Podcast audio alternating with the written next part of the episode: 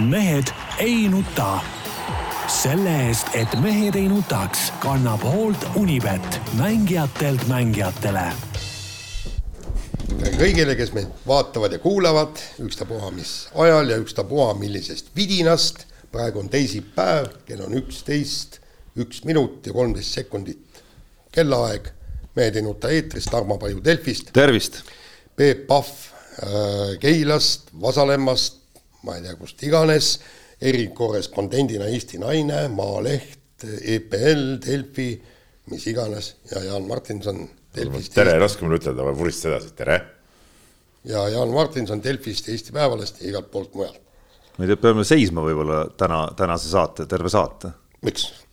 no ma ei tea, siin mees võtab no. siin äh, VTB liiga treenerite skalpe ja no, Keila, Keila linna kultuuripreemia värske ja, laureaat ja. ja ma ei tea, kas mingi tiitel jäi veel, äh, jäi kuskilt veel mainimata no, ei, kõike ei pea korra üles lugema. Noh. oota, mis kultuuripreemia, kirjutas raamatu või, või tegi mingi sümfoonia või? sport ongi kehakultuur. Äh, vot, ma olen täiesti sinuga nõus, aga tegelikult riigi mõistes ju ei ole, kui sa. aga vaata, vaata Keila linn on selles suhtes nii, oota ära, oota ole nüüd vait Keila linn on selles suhtes nagunii äh, vägev koht, et seal ikkagi sport, mis on kultuuri üks osa, käib kultuuri alla ja ja spordimeestel on ka võimalik kultuuripreemiat äh, võita, see on ja väga austusväärne, ütleme, tiitel Keila linnast. ja, ja kusjuures ma olen sinuga täiesti nõus ja ma aplodeerin kogu sellele Keila linnale praegusel hetkel. Äh, just sellepärast, sellepärast et noh miks, miks ma ütlesin, et, et sport ja kultuur ei käi kokku, sellepärast et jällegi ma ju uurisin neid äh, erakondade valimislubadusi ja programme, kõik kultuur, mitte ühtegi sõna spordist, eks. ja siis tuleb, ma olen täiesti sellega, selle poolt, et kultuur äh,, sport on kultuur. no ta allub Kultuuriministeeriumile kokku. ei, isegi see ei ole tähtis. ei no see on ikka sellest tähtis, et, et kui poliitikud seal mingeid äh, plaane teevad, no siis nad ju peaks sellega nagu arvestama, noh. ei ole meil spordiministeeriumit eraldi, kuigi võiks olla minu arust. jah, ja kusjuures Soome. kui suur sport on?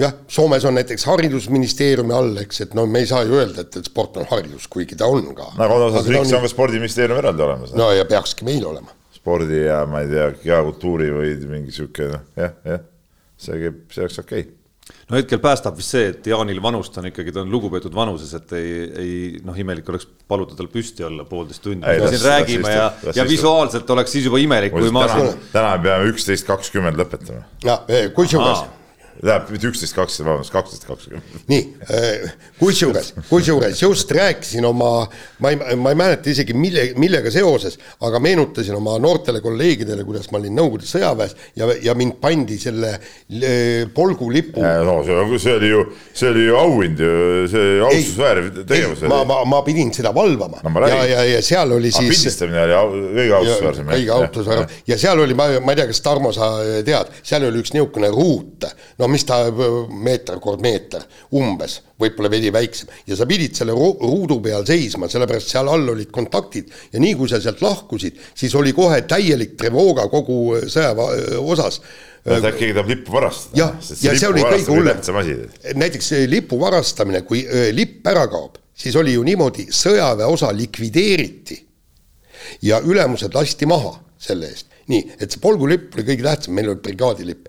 ja siis ma, kaks tundi sa pidid seal seisma, sõltumata sellest, kas sul on põiekas või, või, või mis. käis enne muidugi ära ikkagi. ei, loomulikult käis, aga no kunagi ei tea. ja teine asi oli see, et, et öös, öisel ajal oli hea, panid niisuguse raamatupüksi on ju, siis said raamatut seistes lugeda. aga päeval pidid sa seal olema ja ükstapuha, milline ülemus tuli, sa pidid võtma valvel seisaku niimoodi no see ja, nagu Nevalle pidi samamoodi valmis. ja, ja kaks, kaks tundi seisad täpselt ühe koha peal, kusjuures ühe jalaga sa said samme kõrvale teha, natukene ennast liikumises kükke said teha. Nii et see poolteist tundi siin seista, see ei ole mingi probleem. sellist kogemust mul ei ole, küll aga meenus sellega hoopis teine kogemus, see on tuhande üheksasaja kaheksakümne kaheksandast aastast pioneerilaagrist Remnikul, kus noh, ärkamis, ärkamisaeg oli ikkagi, eks ja see oli üks selline, üks esimesi tegelikult selliseid tõsisemaid nii-öelda noh, nagu isamaalisi otsekontakte, ütleme. Sest et ma ei, ma ei mäleta nagu lapsepõlvest väga palju, et, et, et kuidagi see teema oleks olnud aktuaalne, ükskõik kas koolis või, või kodus tegelikult isegi, aga siis seal leidis aset selline olukord, kus seal oli hästi palju noori, noori kasvatajaid. kus ühel õhtul siis see laagri kohal lehvinud Eesti NSV punane lipp oli ära varastatud, ilmselt need noored kasvatajad ja olid asemele tõmmanud sinimustvalge sinna ja ja seda plaavat, mis seal lahti läks muidugi, seal pidi olema mingi ekskursioon samal päeval, see jäeti ära loomulikult, kõik lapsed, kes seal laagris olid, pandi otsima kuskilt liivakastidest, põõsastest, igalt poolt seda, seda kadunud Eesti NSV lippu. et täiesti, täiesti päris ere mälestus on sellest, mis, mismoodi see asi seal kõik välja nägi, kõik need ahastuses näod. Noh, ilmselgelt Eh, pigem eh, venelastest köögitädid ja kõik, kes seal olid, see personal seal, kes siis nagu maruvihaste nägudega seal ringi vahtisid ja puhkisid, et, et see, see on päris ere mälestus lapsepõlvest no.. vot nii. nii, aga kuidas meil on, ega me peame vist spordi juurde minema, kuigi noh, meil siin niisugust. no jaguks küll, no parim asi on see, et me oleme päästetud ikkagi. Eh, oota oota, mis asja, oota rääkige mulle ka, ma saabusin nimelt kuidas... vahetult enne saate algust ja ma ei ole kursis, mis no sa peaks olema, sina pead, kui keegi peaks olema kursis, siis oled see sina veel eriti kursis, sellepärast et ja sinu, sinu. muuseas, tead, miks me nii napilt jõudsime? ta on erakordne sümbol, ma viisin auto parkimismajja, eks ole. nii, nii., ja minu ees sõitis üks proua, muuseas Mustangi autoga. Ja reaalselt ta sõitis tõkkepuhalt sisse, esimene see parkimiskohas kuuendal korrusel, eks ole, viis minutit viis minutit, noh, iga kurvi peal jäi seisma. põhimõtteliselt noh, läks hindas, põhimõtteliselt autost välja. hindas olukorda. hindas olukorda, sõitis edasi, siis seal tõusu peal uuesti seisma. reaalselt viis minutit pöördus sellest hetkest, kui ma vaatasin kella just, et oh, aeg on küll, eks ole, tõkke poolt sisse. alati valida, kas tulen autoga siia või panen parkimismajja, noh parkimismajja saab tasuta panna, eks ole, panen sinna. et aega küll, ja siis sõidan ja vaatan no kurat, kell läheb, kell läheb, no saade tuleb peale juba. signaali andsid ikka? no ühe korra andsin jah, mul, mul oli närvid ja siis ta, siis ta hakkas tagurdama sinna auku tead noh. siis ta osanud seal mingi ümber posti seal mingi, no ebareaalne noh, täitsa ebareaalne. siis kiibis Mustangiga, no ma ei tea, mehe käest ära kui sa Mustangiga sõidaks, sa ei julgeks Tallinna piirist sissegi tulla. jumal, äkki keegi, äkki keegi kuule, teeb oma näpujäljed peale. ma olen driftinud siit üles, et ringiratast, nii okay.. ma olen neid driftijaid näinud meie majataguses parklas küll, kes on lõpetanud ka vastu prügikasti aga mis ma tahtsin päästetud olemise kohta Nii. öelda, siis kahtlemata me oleme päästetud äh, sinu, Peep, sinu iidoli Mart Helme poolt, kes ikkagi levitatsiooni korras, kes üle levitatsiooni korras lendas ikkagi üle Eesti. ingel võttis tal kätest kinni ja ütles ah., et, et sina, Mart, oled see, kes sellest tintjast suitsust äh, päästab kogu Eestimaa. vot, vot minul oli see saade või kuidas, kus, kus iganes see oli, mul see saade jäi nägemata, eks ole. ei, see polnud saade, see oli esinemine kuskil valimisüritusel. ja ma nägin ka tõepoolest. no mul on nagu, mul, seda... mul läksid pinged maha kõik igatahes. ei, ma nägin seda sotsiaalmeedias ainult seda, et, et ta, et oli see mingi see noh, kaader nagu ta ütles, ta lendas, aga millega ta lendas siis? no levitatsiooni korras lendas, no heiras gravitatsiooni ja, ja noh. kuidas sa ei tea siis? ei, aga ma, ma, ma sellest ei saa just täpselt, no, mida sa ironiseerid? ei no., ma ei ironiseeri, ma olen õnnelik. ei, ma näen, ma näen mingisuguse sihuke iroonia võru on sul ümber suu. mis sa jamad no., ma olen õnnelik, elad pingeline aeg, koroonakriis, sõda, kõik, kõik asjad. ei no kõik, mis on olnud viimastel aastatel ja no. nüüd lõpuks tuleb keegi ja lendab, hingel haarab tal kinni kuule, päästab meid ära. kuule no,, kuule, sa, äh, sa lihtsalt ei, ei tunne maailma ajalugu, piiblit ei ole lugenud või peaingel Gabriel tuli ju ka ja. ei no absoluutselt, kõik, no, ja, kõik ja see tulebki Kristus, meelde mulle. no just, Jeesus Kristus ja kõik muu. muinasjutte ma olen ka lugenud lapsena, kõik need tulid meelde no,. vendade Grimmide muinasjutud. kuule, seal isegi see lollik Ivan sõits ahjuga ringi minu arust. ja, ja multifilme ma olen Saar Saltanist ei no ma räägin, kõik need asjad, lapsepõlvel multifilmid, muinasjutud, äh, piibel, kõik need asjad tulevad meelde, Kreeka mütoloogiat ma mäletan, mulle meeldis lapsena lugeda. ei ole iroonia, kust kohast, ma olen nii õnnelik. näed, ise ma naeratan. valimisel käidud juba või? tulin, ei ole kusjuures veel. täna võib-olla lähen kusjuures. Lähed jaoskonda ikka või äh,? ma mõtlen ausalt öeldes, ma muidu olen viimastel valimistel ikkagi e-hääle andnud, aga kuna ma äh, mul on väike mõte ikkagi, et teha nagu luuret natukene kohas, kus ma nüüd elan, Peetris, eks, et ma ei ole seal koolimajas näiteks käinud ja valimisjaoskond on seal. siis ei ole et siis juba sellepärast, et natukene nagu tutvuda oludega, siis võib-olla lähen isegi ei, kaen, kaen nagu koha peal üle selle asja. punkt täiesti kardina taha, eks ole, ja siis seal natuke kohmerdad seal natuke seda välja tagasi, siis mingid tädid sõidavad ka, panevad selle templi sinna peale. mina igal juhul lähen, igal juhul lähen sinna, mina olen õigel päeval, pühapäeval loomulikult. tähendab, mina kohe kindlasti ei lähe kahel põhjusel. viimane kord ma pettusin täiesti oma valimisjaoskonnas, mis oli kuidagi niivõrd kitsaks, ta oli umbes, no enne oli koolimajas, noh, vähemalt ruumi natukene. Vasalemma rahvamajas alati. no vot nii, aga seal oli siis mingisugune pisikene, ta ei olnud isegi mingi klass, see oli koolimaja umbes garderoobis, oli pisike niimoodi, et, et ei mahtunud isegi ümber pöörama kõik nii. Äh, viinereid ei müüdud, apelsine ei müüdud täna ikka tuleks tasuta jagada, ma olen kaks korda saanud kahel hommikul, täna kusas... hommikul kusjuures teist hommikut viimase kahe nädala jooksul äh, olen saanud äh, täna kusjuures äh, äh, mees, mees, kes, äh, kellest meil oli eelmises saates juttu, ehk siis endine korvpallikohtunik, mis ta nüüd on, Timo Suslov või Tanel Suslov ütleb Peep Aita nüüd. Timo äh, Tanel Suslov. Reformi. Timo on nüüd see mees vist jah. just minu arust ka, et täna sain tema käest Peetris Selveri ristmikul nii-öelda käib seal kohvi ja saiakeste jagamine. oot-oot-oot-oot, kuule, härra Suslov ja..., ma ei näinud, et Vasalemmas eelmisel... Roosi tänava nurga peal oleks saiakest. ja eelmisel nädalal äh, härra Märt, Mart Võrklaev isiklikult ulatas selle saiakese mulle, ma pean küll äh, ma soovitama. ma näen ka Tarval on ka põsed, on nagu ütleme nagu punnis nagu, et, et see õudne saiakeste õgimine, mis on seal, ma tean, ta saial. ei no kui selles tempos asi, ei, ma ei vaidle, kui selles tempos asi jätkub tõesti, siis äh, asi lõpeb halvasti. oota, aga ma ei saa nüüd sellest nagu aru, et õnneks ma käisin Kõrvemaal suusatamas nädalavahetusel. Peetri kadjakatele jagatakse saia, sest Peetris ei ela, ei ole ühtegi põliselanikku, seal elavad kõik mingisugused vurled, kes on kuhugi põllu peale endale majad soetanud. miks üks põliskant siis nagu Vasalmas ma ei näe, et ma sõidan oma aiast välja, eks ole, nii pööran Roosi tee peale, miks seal ei ole mingit saia, täna äh, täna Preiliga koos sõitsime, eks tuli Keilasse, läks vanaema juurde. seal on küll kuulnud väike pirukas, tead noh. ma võib-olla ei sööks hommikut kodus, jätaks, jätaks jätaks võileiva tegemata, kui ma teaks, et näiteks mingi lihapirukas ja võiks veel olla see õlis tehtud näiteks, oleks väga hea. ja vana, vana, vana. kooli see sihuke et ma ei tea, siin paar päeva on aega, kes nüüd hääli tahab saada, et, et vutt-vutt-vutt sinna rivvi. Roosi tänava nurgale. kellel kõige paremad pirukad on, siis selle peal paneme no,. sinu saaks kätte võib-olla kuskilt sealt Keilasse no, sissesõidul no, kasvõi. no Keila tervisekeskust, iga päev istun seal, nii, ei ole seal ka näinud. Sustav, ise Keila mees, mis sa seal kuradi Peetris käid neid pirukaid jagamas? tule jaga Keilast, tead noh. Aga üks, aga üks põhjus, äh, üks põhjus, äh, teine põhjus, miks ma ei lähe siis äh, õigel päeval valima ja teen seda elektrooniliselt, on see, et vana hea sõber Raul Rebane vedas ju Toomas Hendrik Ilvessega kihla ja tema ütles, et e-hääletajaid on rohkem kui päris hääletajaid ja neil oli lõunasöögi peale oli see kihlvedu. kuule, e-hääletamine on saatanast, selle vastu tuleb võidelda. kui sa sinna ääre paned, siis ma sind järgmises saates ei lase siia. kuule, oota kuule, meil on vana hea kolleeg, pensionär ja üks korralik lõuna. vaata, see oli kindlas kohas, oli ka see äh, lõuna, et väljasöök. Kuule, ma olen ise ka varsti pensionär, ma, jumal. kuule, Raul Rebasel raha nagu raha. ei, tähenda, kust sa tead, ta on pension on seitsesada eurot, kõik, punkt ei, selleks, et äh, Raul Rebasele lõuna, lõuna välja teha ja veel keegi, kuule. mina ei usu, et teie hääletajad rohkem on päris hääletajaid. ei no vot siis on, aga teine asi on ju veel see, eks okei okay,, kui ta oleks äh, Kihla peal olnud, noh, Timo Susloviga, mingit vahet ei oleks olnud, aga ameeriklastelt tulebki see raha ära võtta ja las ta maksab. selles on nagu õige point, aga ikkagi ma, et see nii äh, lolli asja peale Kihla öelda, ma selle avantüüriga kaasa ei lähe.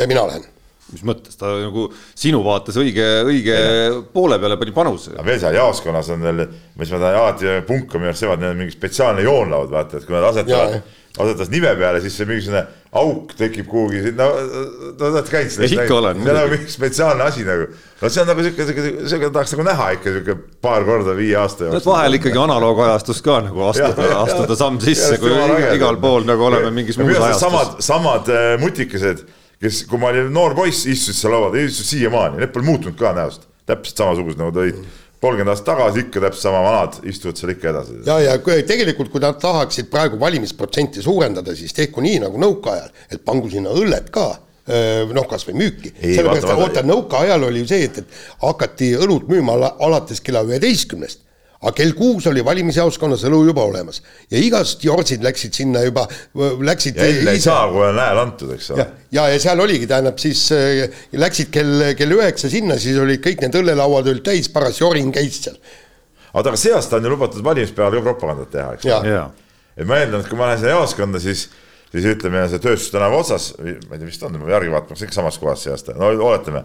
siis sealt ütleme, palju neid kandidaate ühes, ütleme Harju Raplamaal on kandidaate, no ikka ju no mingi üle, üle saja ikka kokku. no omajagu jah, no jaoskondi on ka muidugi mitu, et ega nad kõik sinna Keilasse ei tule, et ma ise just hommikul ka pidasin üle laua siin väikest arutelu. ei no ma mõtlen, nad võiks kõik tee ääres olla, kelle siis nagu parem kaup on pakkuda, eks ole siis ütled, ma pole sinu poolt, anna siia, siis tead, ta hääletab hoopis keegi teise poolt. et sihuke korralik kadalipp. ja, ja ülepakkumine nagu, käib seal. vaata, me oleme sinuga Türgis koos, Türgi turul, vaata, kui need käivad, need igast vennad seal sul sabas, eks ole, need võiks samamoodi käia seal ja pakkuda, noh, võta, võta, võta, võta. topivad sulle suhu ja teine valab sulle kohvi peale ja noh, ei, ei.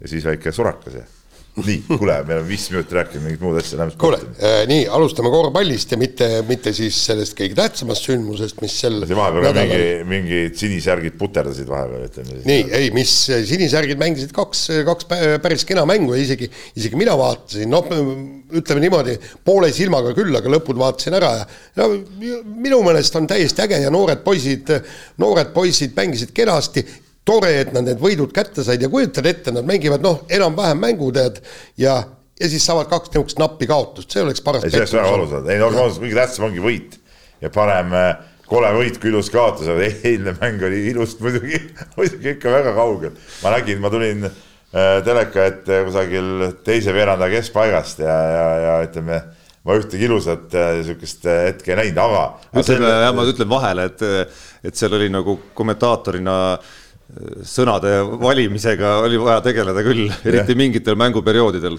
et aga, aga see kõik ei maksa mitte midagi, et maksab ainult võit, nii et, et selles suhtes mängige nii koledalt, kui tahes, peaasi, et nad võidavad ja, ja, ja noh, äge, äge tõesti, kaks ühepunnist võitu, ma arvan, noortele meestele ülioluline, kuigi noh see Rootsi ja no Sloveenia ka samamoodi olid ikka suht noored satsid vastas ka muidugi. ja noh, täpselt noh, sarnased ütleme, Sloveenia jah, oli natukene võib-olla noorem isegi kui meie kusjuures. no Rootsis ka seal tegid ja, mängu ikka mingid see kaheksateistaastane keskkooli kutt ja, ja see kaks tuhat poissi. no kakskümmend kaks, kaks kahekümne kahe aastast tagameest olid need, kes seal nagu kõige rohkem mängu lõpuks nagu ehitasid ja. ikkagi, et et. oli see Kahupi oli ju kaheksateist vist ju. see kõige, kõige noorem jah, ja, ja, ja, ja, noh, tema nüüd mängu ei teinud. ei, see oli, oli, pigem nagu episoodiline. Kaar päris, paar päris ilusat liigutust tegi tegelikult aga jah, ma, no, ma olen nõus ka, et, et punkt number üks kindlasti nende mängude resümeena on ikkagi see fakt, et õnnestus need kaks mängu nagu kätte kuidagimoodi saada, et see, see valiksari natukene ma arvan, et see oligi nagu selle viimase etapi, mis, äh, mis ette, mis meile ette lõi eelmisel nädalal ja, ja eile selle nagu kõige tähtsam ülesanne minu arust oli ikkagi siia lõppu nagu natukene neid eduelamusi ka sisse saada, et valiksarjas oli neid kaotusi seitse tulnud sisse, algus oli ju noh, kena, eks ole, me saime Saksamaalt võidu kätte võõrsil.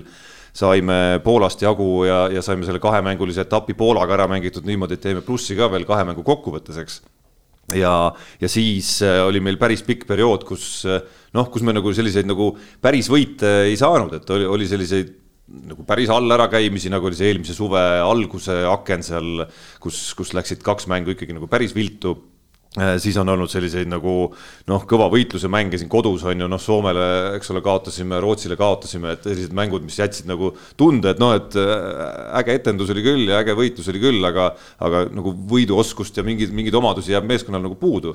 et selles mõttes, et need kaks nüüd nagu lõpus ära tuli ma ei tea, noh, ühest küljest tahaks muidugi hõisata, et ma arvan, et see annab nagu edasiminekuks siin nendele, kes seda võitu nagu kogesid ja, ja selle võidu nagu äravormistamise oskust kogesid ja said tunda, annab kindlasti nagu midagi juurde.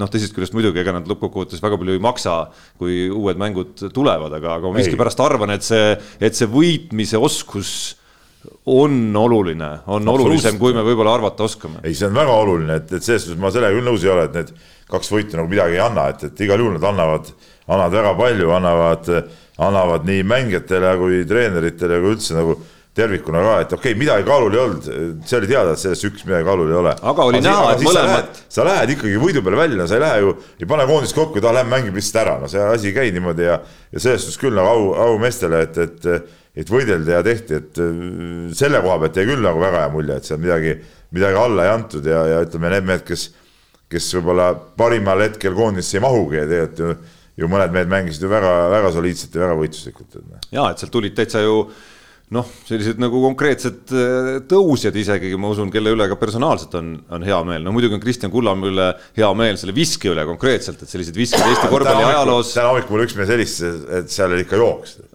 et, et seal, aga tead, seal, noh, seal natuke siuke nii ja naa võib-olla oli, aga no kohtunik vilistas ei olnud, tead. Noh. et, et noh, selle viske üle on nagu ise juba hea meel, et selliseid viskeid meie kossukoondise ajaloos on olnud suhteliselt vähe ikkagi.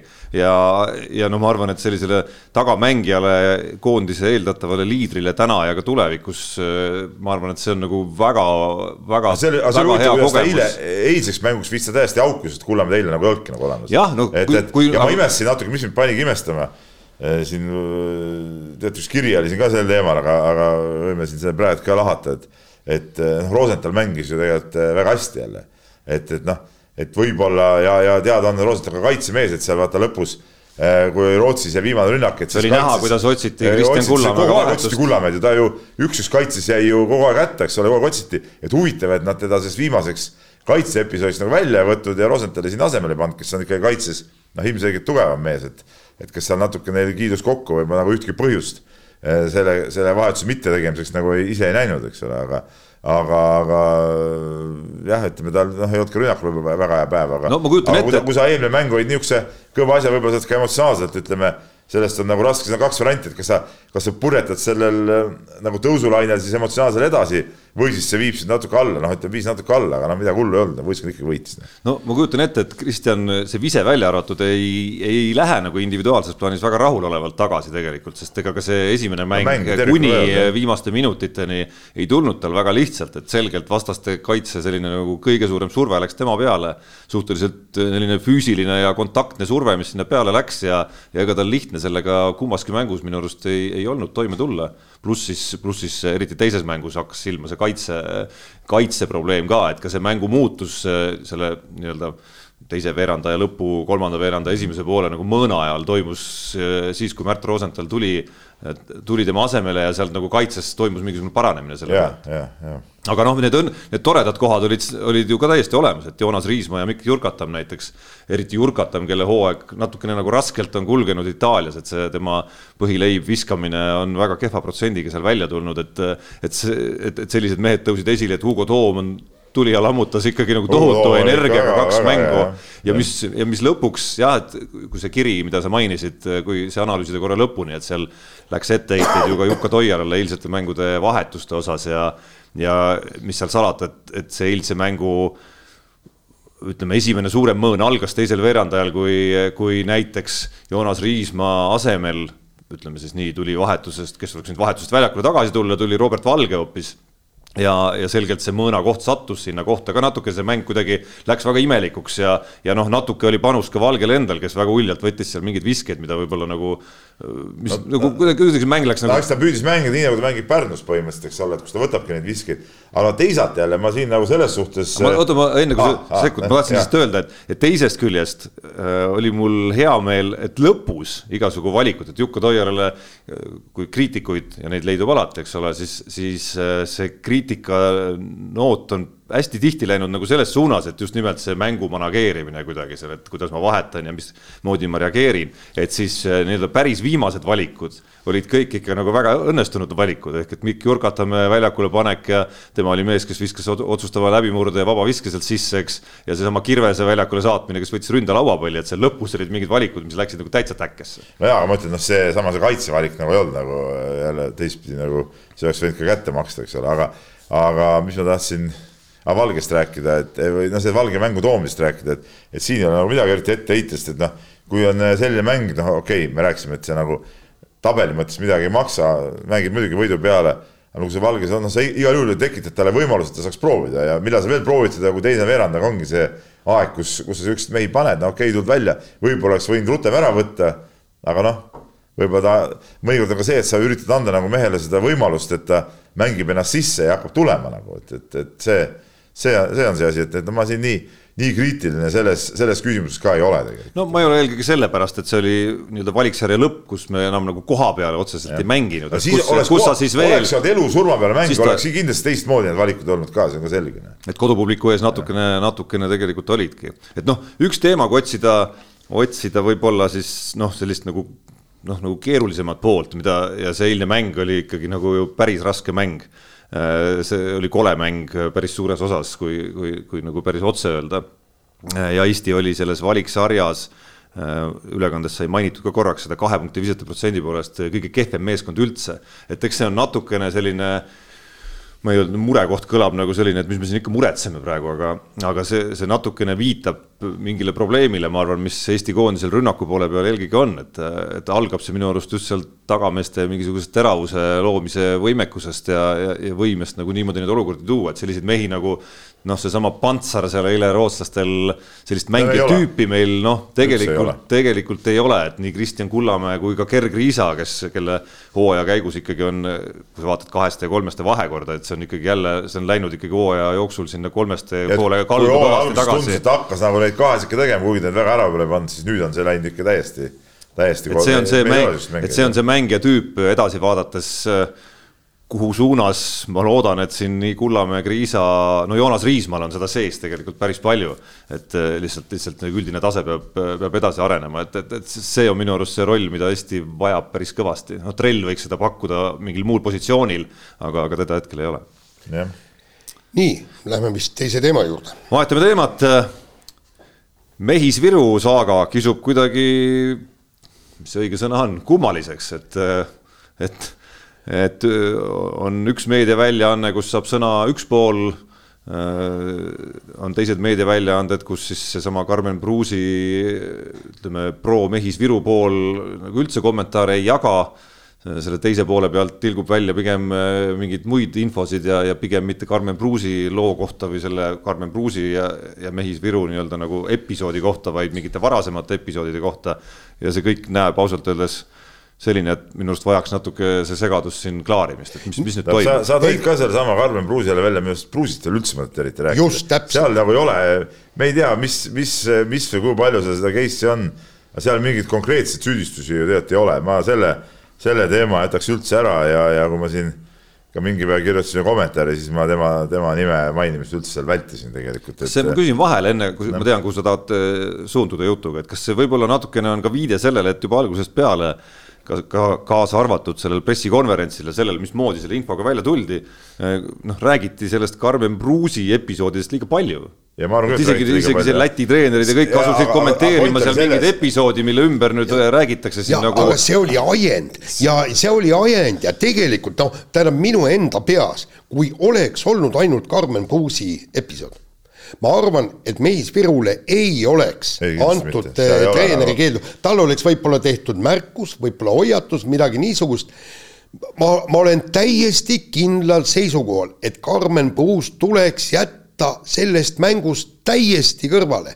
Ja isegi kui me praegu lahkame seda Mehis Viru ja Karmen Pruusi käitumist ja kõik, mis seal toimus, siis seal tõesti ei ole nagu suurt kriminaalset mitte midagi, midagi, absoluutselt, et milleks on seda kõike vaja võimendada ja mis oli kõige totram. Ja las nüüd Vaager, Wagnerlane põhjendab siin kõrval, oli Priit Pulleritsuse äh, blogisse üles pandud Äh, postitus, kus ta võit-, äh, võrdles seda Pruusi ja Meis-Viru case'i sõjaga Ukrainas, no, no andke andeks. ma mõtlesin hästi, kas Priit, kes minu arust on nagu karsklane, on tõesti jooma hakanud või? ei saa, kellegi teise postituse no, ta pani kuule, üles, jah. no üks selle ülespanemine tähendab seda juba, et on äh, on äh, Meil... asunud alkoholismi hävitavale teele, eks ole. No, ja absoluutselt. seda täie mõistusega inimene sihukest teksti ju ei, ei tooda ega üles ka ei pane, eks. ja, ja, ja, ja sealsamas äh, tuua, tuua seda, et Erich Teigamägi on Putin, äh, sina. mina, Märt ja Leivil oleme Wagnerlased. ja Wagner, Wagnerlased ja kõik, kõik muu. tähendab, veel kord, jätame selle Pruusi, paneme punkti, tema ei ole siin nii pritšom, tähendab tema case on teada, menetletud, kõik nii. räägime sellest, mis on Mehis Virul varem olnud.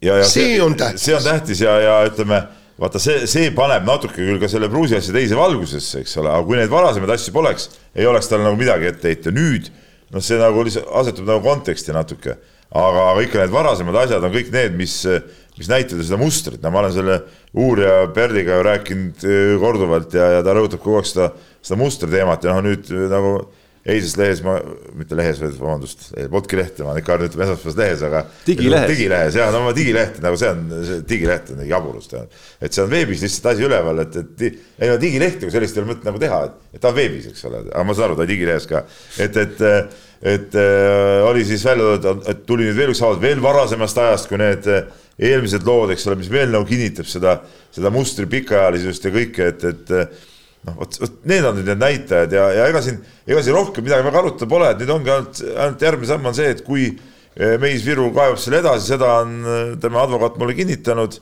olen korduvalt küsinud ka nüüd võimalust sel teemal pikemalt temaga rääkida, ei ole nad veel valmis eh, sellest rääkima, et mis, mis punktide alusel ja mida nad seal siis kavatsevad vaidlustada või kaevata.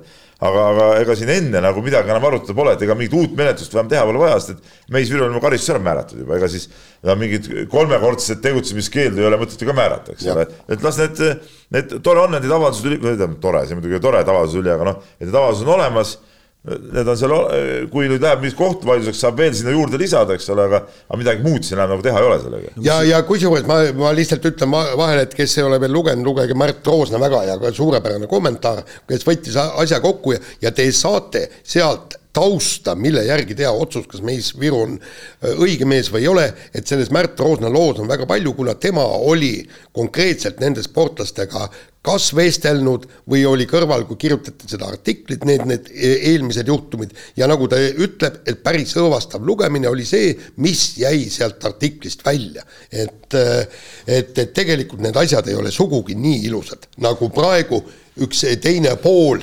üritab äh, noh, näidata üks teine meediamaja. Pullerist on alati väga lugu pidanud ja, ja, ja on olnud hea ajakirjanik, aga, aga praegu ta minu arust ka natuke fokusseerib ennast lihtsalt oma lugudes liialt sellele, just see, mis me ütlesime, et see Pruus tuleks rahule jätta, just selle Pruusi teemale, ta nagu ei näeks üldse neid, eh, miks see teine pool ongi neid eh, ühte auku tagunud, et ta nagu, ta nagu ei näegi neid muid lugusid, mis on nagu varem olnud või noh, ta nagu sellesse ei usu nagu üldse. no tema, tema kui ajakirjanik ja ajakirjanduse õppejõud noh, võib-olla on see üks õppejõud ka, kaitseb teist, see on ka paras seos olemas. Näidaku ette ja, ja tehku siis lugu just nende mehisvõiru ohvritega. Vot täpselt samasugune no, ma, olen muidugi Priiduga telefonis ka vestelnud nende teemadel siin päevade jooksul ka tema väidab, et tema muidugi ei tea, kes need tähed on ja, ja tema ei saa no luge, lugege siis palun Õhtulehte ja Päevalehte, seal on, kõik on kirjas. no mida ma loodan, on see, et mis iganes reaktsioon tuleb või noh, nii-öelda nagu vaidlustus või klaarimine, et see, see käiks nagu pigem nagu noh, otsustavalt ja kiirelt, et et ka teiselt poolt on äh, noh, ütleme vähemalt avalikkuse ees, eks kuskil on jah mingid materjalid, mida osa ajakirjanikke vähemalt osaliselt vist on natuke lugenud ja teavad mingit taustu, millest nad samas ei saa kirjutada, sest need inimesed oma nimedega ei ole valmis välja tulema ja rääkima konkreetsetest lugudest, mis jätavad need lood ka noh, avalikkusesse jõudnud ja ka sinu eilses või üleeilses artiklis ikkagi hästi nagu umbisikuliseks ja ebamääraseks on ju, mille eest on ka noh, teisel poolel noh, raske ennast kaitsta, nad ei tea isegi, ma arvan, et mingisugune selline fakt on sinna kuskile veel nagu potti tulnud ja, ja mida, mida ta saaks näiteks selle kohta nagu väga öelda. ain-, jah, et ainult, et ainus, mis nad saavad teha, ongi nii-öelda vaidlustada see kutse äravõtmine, see otsus ja siis tuleb neid reaalseid kaasuseid hakata vaatama, kas ta on käitunud treenerile ebakohaselt või ei ole treenerile ebakohaselt käitunud. et, et kui minna sellest Karmen Pruusi juhtumist välja ja nüüd, mida me nädala jooksul teada oleme saanud ja Priit Pulleritsu lugude juurde ka, alustades Mehis Viru enda intervjuust, mis võib-olla oli siiski, ma arvan, kõige olulisem olulisem nendest lugudest, mis on ilmunud, siis koht, mis kõige rohkem äh, ma arvan, tähelepanu, minu tähelepanu vähemalt püüdis, oli ikkagi see kõige olulisem küsimus, mida, mida Priit Pulleris küsis. kas äh, Mehis Viru, kas sa oled olnud kunagi oma õpilastega seksuaalvahekorras, mida ta eitas, ehk siis oli risti vastu siis sellele, mis seisis selles äh, ühe sportlase väites. aga Äh, sealt tuli kohe nagu nii-öelda jätkutäpsustus ka, mis puudutab siis seda, et äh, küll aga võib olla juhtunud seda, et me mõne õpilasega mingisuguses, ma nüüd ei tsiteeri väga täpselt, äh, aga, aga sõnastan natukene ümber, et ma mingisuguses nii-öelda lustlikus naljaga pooleks hoos olen mingeid väga mitmeti mõistetavaid sõnumeid võinud vahetada. et eks see oli, ma arvan, et see oli üks tähelepanuväärsemaid kohti selles intervjuus, et noh, kui nüüd see on puhas selline, on juba nagu minu oletused edasi, et, et seda kas äh, keegi oli, ma ei tea, X aastaid, kümme või kakskümmend või viis aastat tagasi kellegagi seksuaalvahekorras, noh, on täna sisuliselt võimatu tõestada. aga selge, et kui on mingisugused sellised sõnumid olnud, siis äh, noh, siis need üldjuhul on kuskil alles, on ju. et, äh, et võib arvata, et ka Mehis Viru ju üsna hoolikalt valis, mida seal intervjuus öelda ja mida seal intervjuus siis mitte öelda. et, et, et see oli see koht, mis mis võib-olla väärinuks edasi küsimust, et mis sõnumid need siis, mis sõnumid need siis täpselt oli, et äh, ma arvan, et ka naljaga pooleks ei ole treeneril kohti mingite seksuaalse alatooniga naljadeks oma õpilastega. see intervjuu meenutas mulle ühte äh, aastate tagust intervjuud, kus äh, Mart Kadastik tegi intervjuu Andrus Veerpaluga. aga me saime teada, kuidas tal pardid ujuvad ja, ja kuidas kassidel läheb. et see nagu ütleme, olemuselt oli see, läks minu, minu jaoks nagu samasse, samasse klassi. nii, aga lähme edasi talispordiga, suusaspordi mm on käimas, Jaan kirjutas täna kommentaari, et vanemale põlvkonnale see kuidagi mõjub ikkagi niimoodi, et peab seda vaatama, kuigi eriti midagi vaadata ei ole ja tõesti, ma olen vaadanud ja midagi eriti vaadata ei ole tegelikult. ei kuigi on olnud ägedaid asju ka, ütleme seal see, see, see, see sprinditeate lõpp ja, ja mingid üksikud asjad, aga, aga ütleme, et mingid nii, nii, nii rajud nagu vanasti, et kui suusa mm algas, siis nagu muu elu jäi minu jaoks nagu seisma, kui ma ka koolipoisina olin, eks ole, siis, siis sellist asja eh, paraku enam ei ole, aga, aga meie jaoks Kristjan Ilvese kuues koht.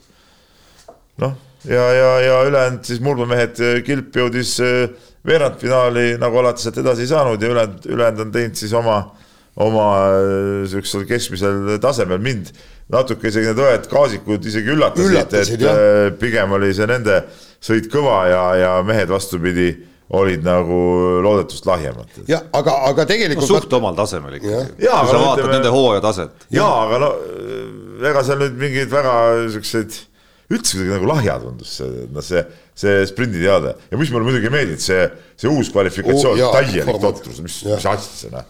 mis, mis see sprinditeade see on, kui sa tead ükshaaval, vaatasid seda? see on täielik jama ju noh jaa, aga see. mis seal jama oli, noh. point on ju. selgitad ju, selgitad ju välja, kes on võimekamad ja kes mitte. kuule, point on ju selles poolfinaalis, äkki kellelgi midagi juhtub, seal tekivad mingid asjad, see ongi ju see poolfinaali võlu ja, ja, ja valu, eks ole, seal ei juhtu mitte midagi. Noh. kuule, siis võiks öelda, siis võiks öelda, et las sõidavad individuaalses sprindis ka, mitte kvalifikatsiooni eraldi stardist, vaid äh, mingitest suurtest seltskondadest, las lähevad rajale. teine asi. miks ta teine? see on sprindi teade. täpselt sama asi ei, aga ma sain aru ka, milleks seda tehti, kuna neid võistkondi oli, neid paganama äh, igasuguseid noh, suvalisi mehhiklasi ja äh, küproslasi oli liiga palju, et, et seal äh, see selleks, aga aga tegelikult, kui me vaatame nüüd täpselt niimoodi, et ühesõnaga kui Kristjan Ilves oleks no olnud veel seitsmes, siis oleks selle ära seedinud, eks, aga aga juba niisugune no okei okay,, kaheksas ka niisugune piiri peal, oleks ta esikaheksast välja jäänud, oleks olnud pettumus, aga, aga näha teda seal eespool pärast, pärast nüüd ütleme seda hüpet, oleks see hüpe tõesti hea olnud. et ühesõnaga ta sõitis selle koha välja, ja, ja kõikide teiste meie omadega on ka täpselt samamoodi. sa ei lootnud neid, neilt enamat, aga mitte keegi ei teinud ka kehvalt. ület-, eneseületust nagu pole olnud. jah, eneseületust. jaa, aga põrumist ka ei ole olnud selles ja. mõttes noh, Kristjan Iljase suusasõit oli, oli kindlasti oli natukene üle ootuste, ma ise vähemalt enda tunde järgi ütlen, et kui see punt seal sellisel kujul juba kokku sai seal ja nii suurelt, siis see, et tema selles seltskonnas ikkagi tuli nagu noh, päris on... esimesena välja, aga ikkagi tippus välja. jaa, aga seal on see küsimus ka, et, et kui need vennad nägid, et nad esimesel kolmel järgi ei jõua, kas võib-olla mingid mõned päris tipud ei hakanudki enam viimast gaasi panema. ja see ja, ja. meil oli järgmine päev oli ju see, see segavõistlus, eks ole ja, ja tulevad Suuremäe võistlused, noh, Ilvesel on kaks starti, teistel on ju neli starti, on ju neli starti, noh, et, et ja mis vahet on seal seal näiteks mõnel äh, tippvennal, kas ta on seal kuues, seitsmes, midagi ei muuda neid. no vot neid süsteeme ei tea, et Ilvesel on see kohe nii-öelda aasta, aasta pikendust äh, stipendiumil, eks ole, sai garanteeritud kohe. just ja, aga teine asi oli ka see, et, et äh, eks Kristjan Ilves oli suutnud endal võib-olla rohkem energiat kokku hoida ja teine asi on ja, see. ma segan korra, vabandust, kas, kas seal ei ole auhinnarahasid kuuele paremale või kaheksale paremale? ma arvan küll, et on. on, on, no, ma arvan, et, ma arvan, et spordimeestel ikka on seal motivatsiooni küll päris väiksed, vaata kui see lasssuusatamised olid väga väiksed. jaa, aga, aga abiks ikkagi. ei no abiks ikka jaa, aga ma ütlen, et nagu sa vaatad nagu suuremat pilti. et, et noh, sest sa nagu võib-olla päris eh, veri ninast välja nagu ei punnita enam. no aga, aga. aga ei, see ei vähenda üldse, Ilves Kõva, kuues koht, väga tubli, aga noh, nüüd tahaks nagu enamat. Noh. ja no vot nüüd ongi Kristjan Ilves jõudnud sinna, tähendab ühesõnaga olümpial mis ta oli üheksas, eks ju. et, et siin maailma MK-del poodiumil ja kõik nii, et siit nüüd ongi järgmine samm, samm, mis on, järgmine samm ei ole neljas koht või viies koht, järgmine samm ongi medal. praegu tal on natuke Ilvesel natuke see Allar Levandi sündroom nagu minu arust, et esiteks ta ei suuda võita, Levandi teadupärast ei võitnud ka mitte ühtki võistlust mitte kunagi, no ma mõtlen MK tasemel. Ja, ja tegelikult ju, ju medalile tuli ka ainult korra, no üks ja. on liidukoondisega, noh, see on teine asi, individuaalse medalina tuli korra, küll ta oli seal neljas ja ka kuues Kak, ja kaks viies. kaks korda MM-idel oli vist ja, neljas olnud. et, et mingid siuksed siuksed tulemused, et, et praegult eh, noh, loogika ütleb, et ühe medali peaks siis Ilves välja võtma, Ilves on praegu umbes samas seisus kogu aeg. mul on tunne, et seda sündroomi kuidagi tuua veel on nagu varavõitu, et Kristjan Ilves on ikkagi nii värskelt eh, oma suusasõiduvõimekuselt kerkinud sinna, kus ta hea hüppe korral on üldse võimeline seal no, medalite pärast võistelda. vana ta oli uh,? Olümpiapronks võis ta olla küll, ma peast ei tea tema vanust, kas kakskümmend neli äkki või? kas kakskümmend kolm, kakskümmend neli sündis, ma peast mäletan. et, et noh, see, aga noh, sündroom, see, see on see, milles. see oli juba, aga täpselt samamoodi enne ei, seda ei, olid ju kõik, ta ei olnud saanud kordagi. ei, sündroom, ja aga siis see oli just see aasta, kus ta tõusis ikkagi üles, et Oberstdorfis aasta varem ta veel noh, ei olnud päris okei okay,, pärast dopingu nii-öelda mahavõtmist oli ta neljas muidugi lõpuks vist isegi jah. et, et noh, see sündroom tekkis ikkagi nagu kaheksakümmend üheksa, üheksakümmend, üheksakümmend üks, Valdi Femme, et, et kui see karjäär läks, siis me hakkasime lõpuks rääkima, et nagu võitu ei tulnud kuidagimoodi. et Kristjan Ilvesel minu arust ei ole aega, et me saaksime seda nagu sündroomiks veel nimetada. Aga, aga, aga no ma, ma olen just vist Kristina Ilvesega rääkisime ka, kas oli intervjuu, lihtsalt intervjuu järgne jutt ütlesin, et üks kohustus on Kristjan Ilvesel kindlasti öö, olemas, mida ta peab tegema, ta peab selle vähemalt ühe võidu kas või MK-l eh, kätte saama, sellepärast et see oleks ju ääretult totter, et Levandi aegadest või Koltsin või, või kas sellel ajal ka MK ei mäleta, kõik, meil on teisi kohti, Levandil täna vaatasin just järgi, tal oli seitseteist ko, ko, kohta ja mida iganes. Ja ei ole võitu saanud. Kristjan Ilvesel on teisi kohti on, esikohta ei ole. Ja, ja, ja vaata, kui totter, kui me, meil läheb järgmine kümnend ära nii et me ei ole võitnud ühtegi MK-etappi. aga no siin tuleks nagu realist ka natukene olla, et kas ta on hetkel ikkagi nagu päris võiduvõimeline et.... ei, mitte praegu, järgmine aasta, ülejärgmine aasta, aega on, aga see üks MK-võit tuleks kätte saada. et noh, ka siin hea hüppega, mis see no, variant siis oli, hea hüppega oli see variant praegu olla näiteks selles Reerli ja Schmidi seltskonnas siis, eks, või siis okei okay,, superhüppega hoopis Riiberiga koos, eks? Kas ta oleks suuteline Riiberit sõidus hetkel lööma, no ei kõla vist väga tõenäoliselt. seda võib-olla mitte, aga, aga ütleme seal, kui ta oleks olnud hüppega eespool, ta küll, et ta oleks seal medali. ei no siis oleks ta Reerli ja Schmidiga pidanud äh, võitlust ja. lõputõusudeni välja ja, ja küsimus on, kes on teine, kolmas ja neljas. jah, ja, ja, ja nüüd ongi nagu, nagu on äh, väga huvitav on praegu spekuleeritakse, räägitakse, arutatakse, et äh, kuidas võiks nüüd siis Kristjan Ilves kätte saada selle suure mäe medali. väga lihtne kas ta ise hüppab eest ära, aga siis tal peab kohe selja taga olema mõni kõva suusamees või siis Riiberiga lähevad koos ära ja, ja, ja teised on niisugune poole minuti, poole minutiga selja taha, et siis, siis on see medali võimalus. et see stsenaarium, et, et, et ta on jällegi seal suures pundis, et see võib anda medali, ei pruugi, aga, aga kui nad saaksid Riiberiga koos eest ära, semud ka omavahel, noh. nii on. nii võtame siis järgmise lisame teema. tempot.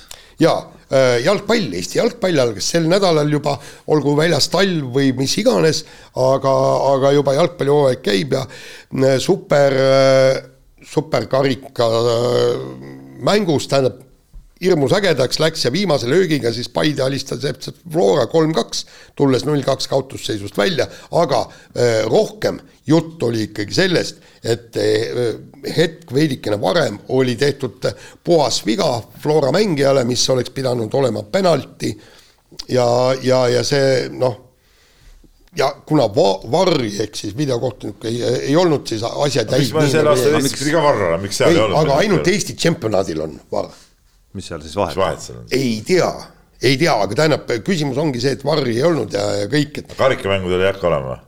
No siis ei tule antud juhul varri süüdistada, vaid kohtunikku, kes äh, tegi vale otsuse. ei jah, ja, ja, ja, ja täpselt, et ühesõnaga skandaali oli, et, et. Äh, aga no ütleme nii, et tulemus oli ikkagi üllatav, sest Paide, Paide, ma saan aru, hooajalistes mängudes on suht kehva olnud ja pole kolja löönud ega midagi ja nüüd põrustasid kolm, kolm väravat Floorale, et see on äh, see on ju päris üllatav, üllatav asi.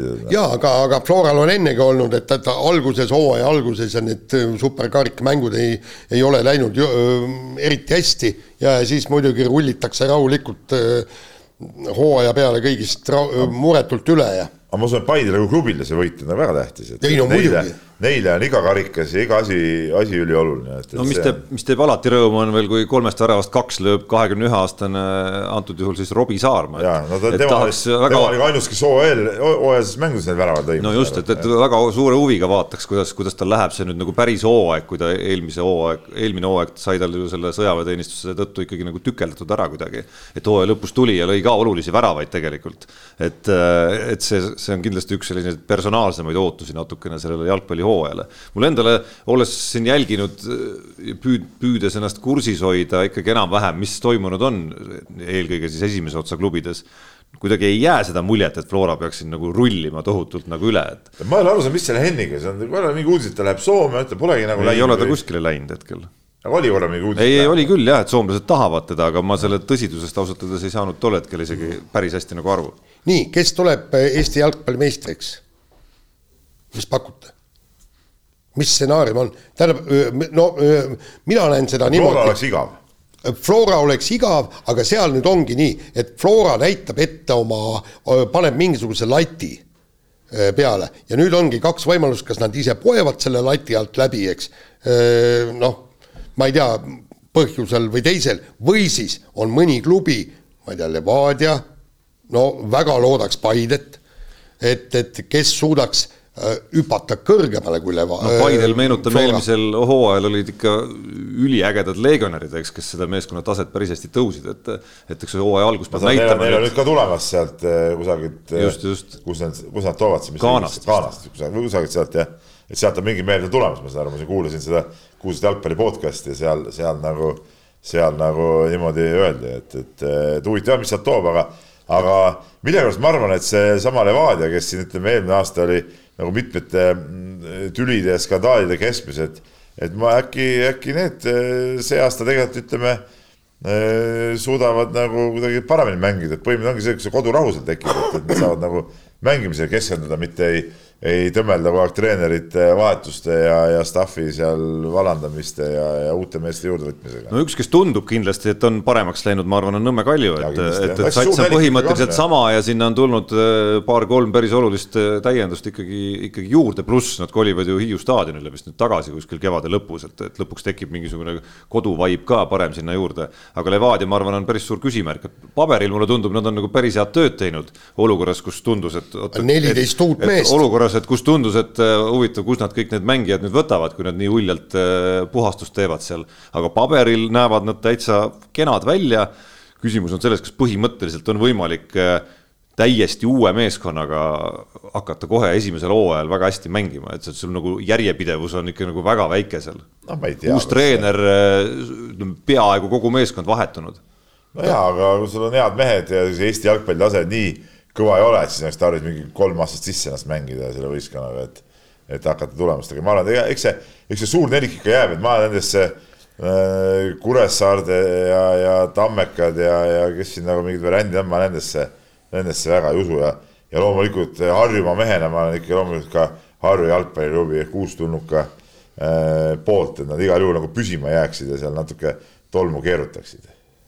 meile vahepeal on äh, kirjutanud ka Aha harrastusantropoloog, harrastusviroloog, äh, harrastus äh, kohtunik, harrastusspetsialist äh, Toomas Vara, kes on valgustanud meid, miks superkarikal varri ei kasutatud, ehk siis võistlustel peab olema litsents selle kasutamiseks, superkarikal seda ei ole ja premium-liigas see FIFA litsents on siis olemas, selline tarkus meile täna. oota, aga nendel hooajalise kontrollmängudel siis ma saan aru, et ju vahepeal prooviti seda. ei, aga see, see oli, testiti seda no,. seal sa võid teha, mis tahad. aga kas seda testi ei oleks võinud sinna superkarikale siis panna või ei no superkarikas on ikka nagu ametlik mäng. no ta ei ole ju mingisugune sari, sihukest sarja pole olemas, lihtsalt see on, see on ju karikavõitja. ei no ta on ikkagi jalgpalliliidu korraldatav ametlik äh, võistlus ikkagi. mitte test... see, et äh, kaks satsi tulevad kokku ja teevad. kurikuulus äh, taliturniir on ju ka jalgpalliliidu korraldatav võistlus, kus neid mingeid kontrollmänge peetud, mis ma siiamaani pole aru saanud.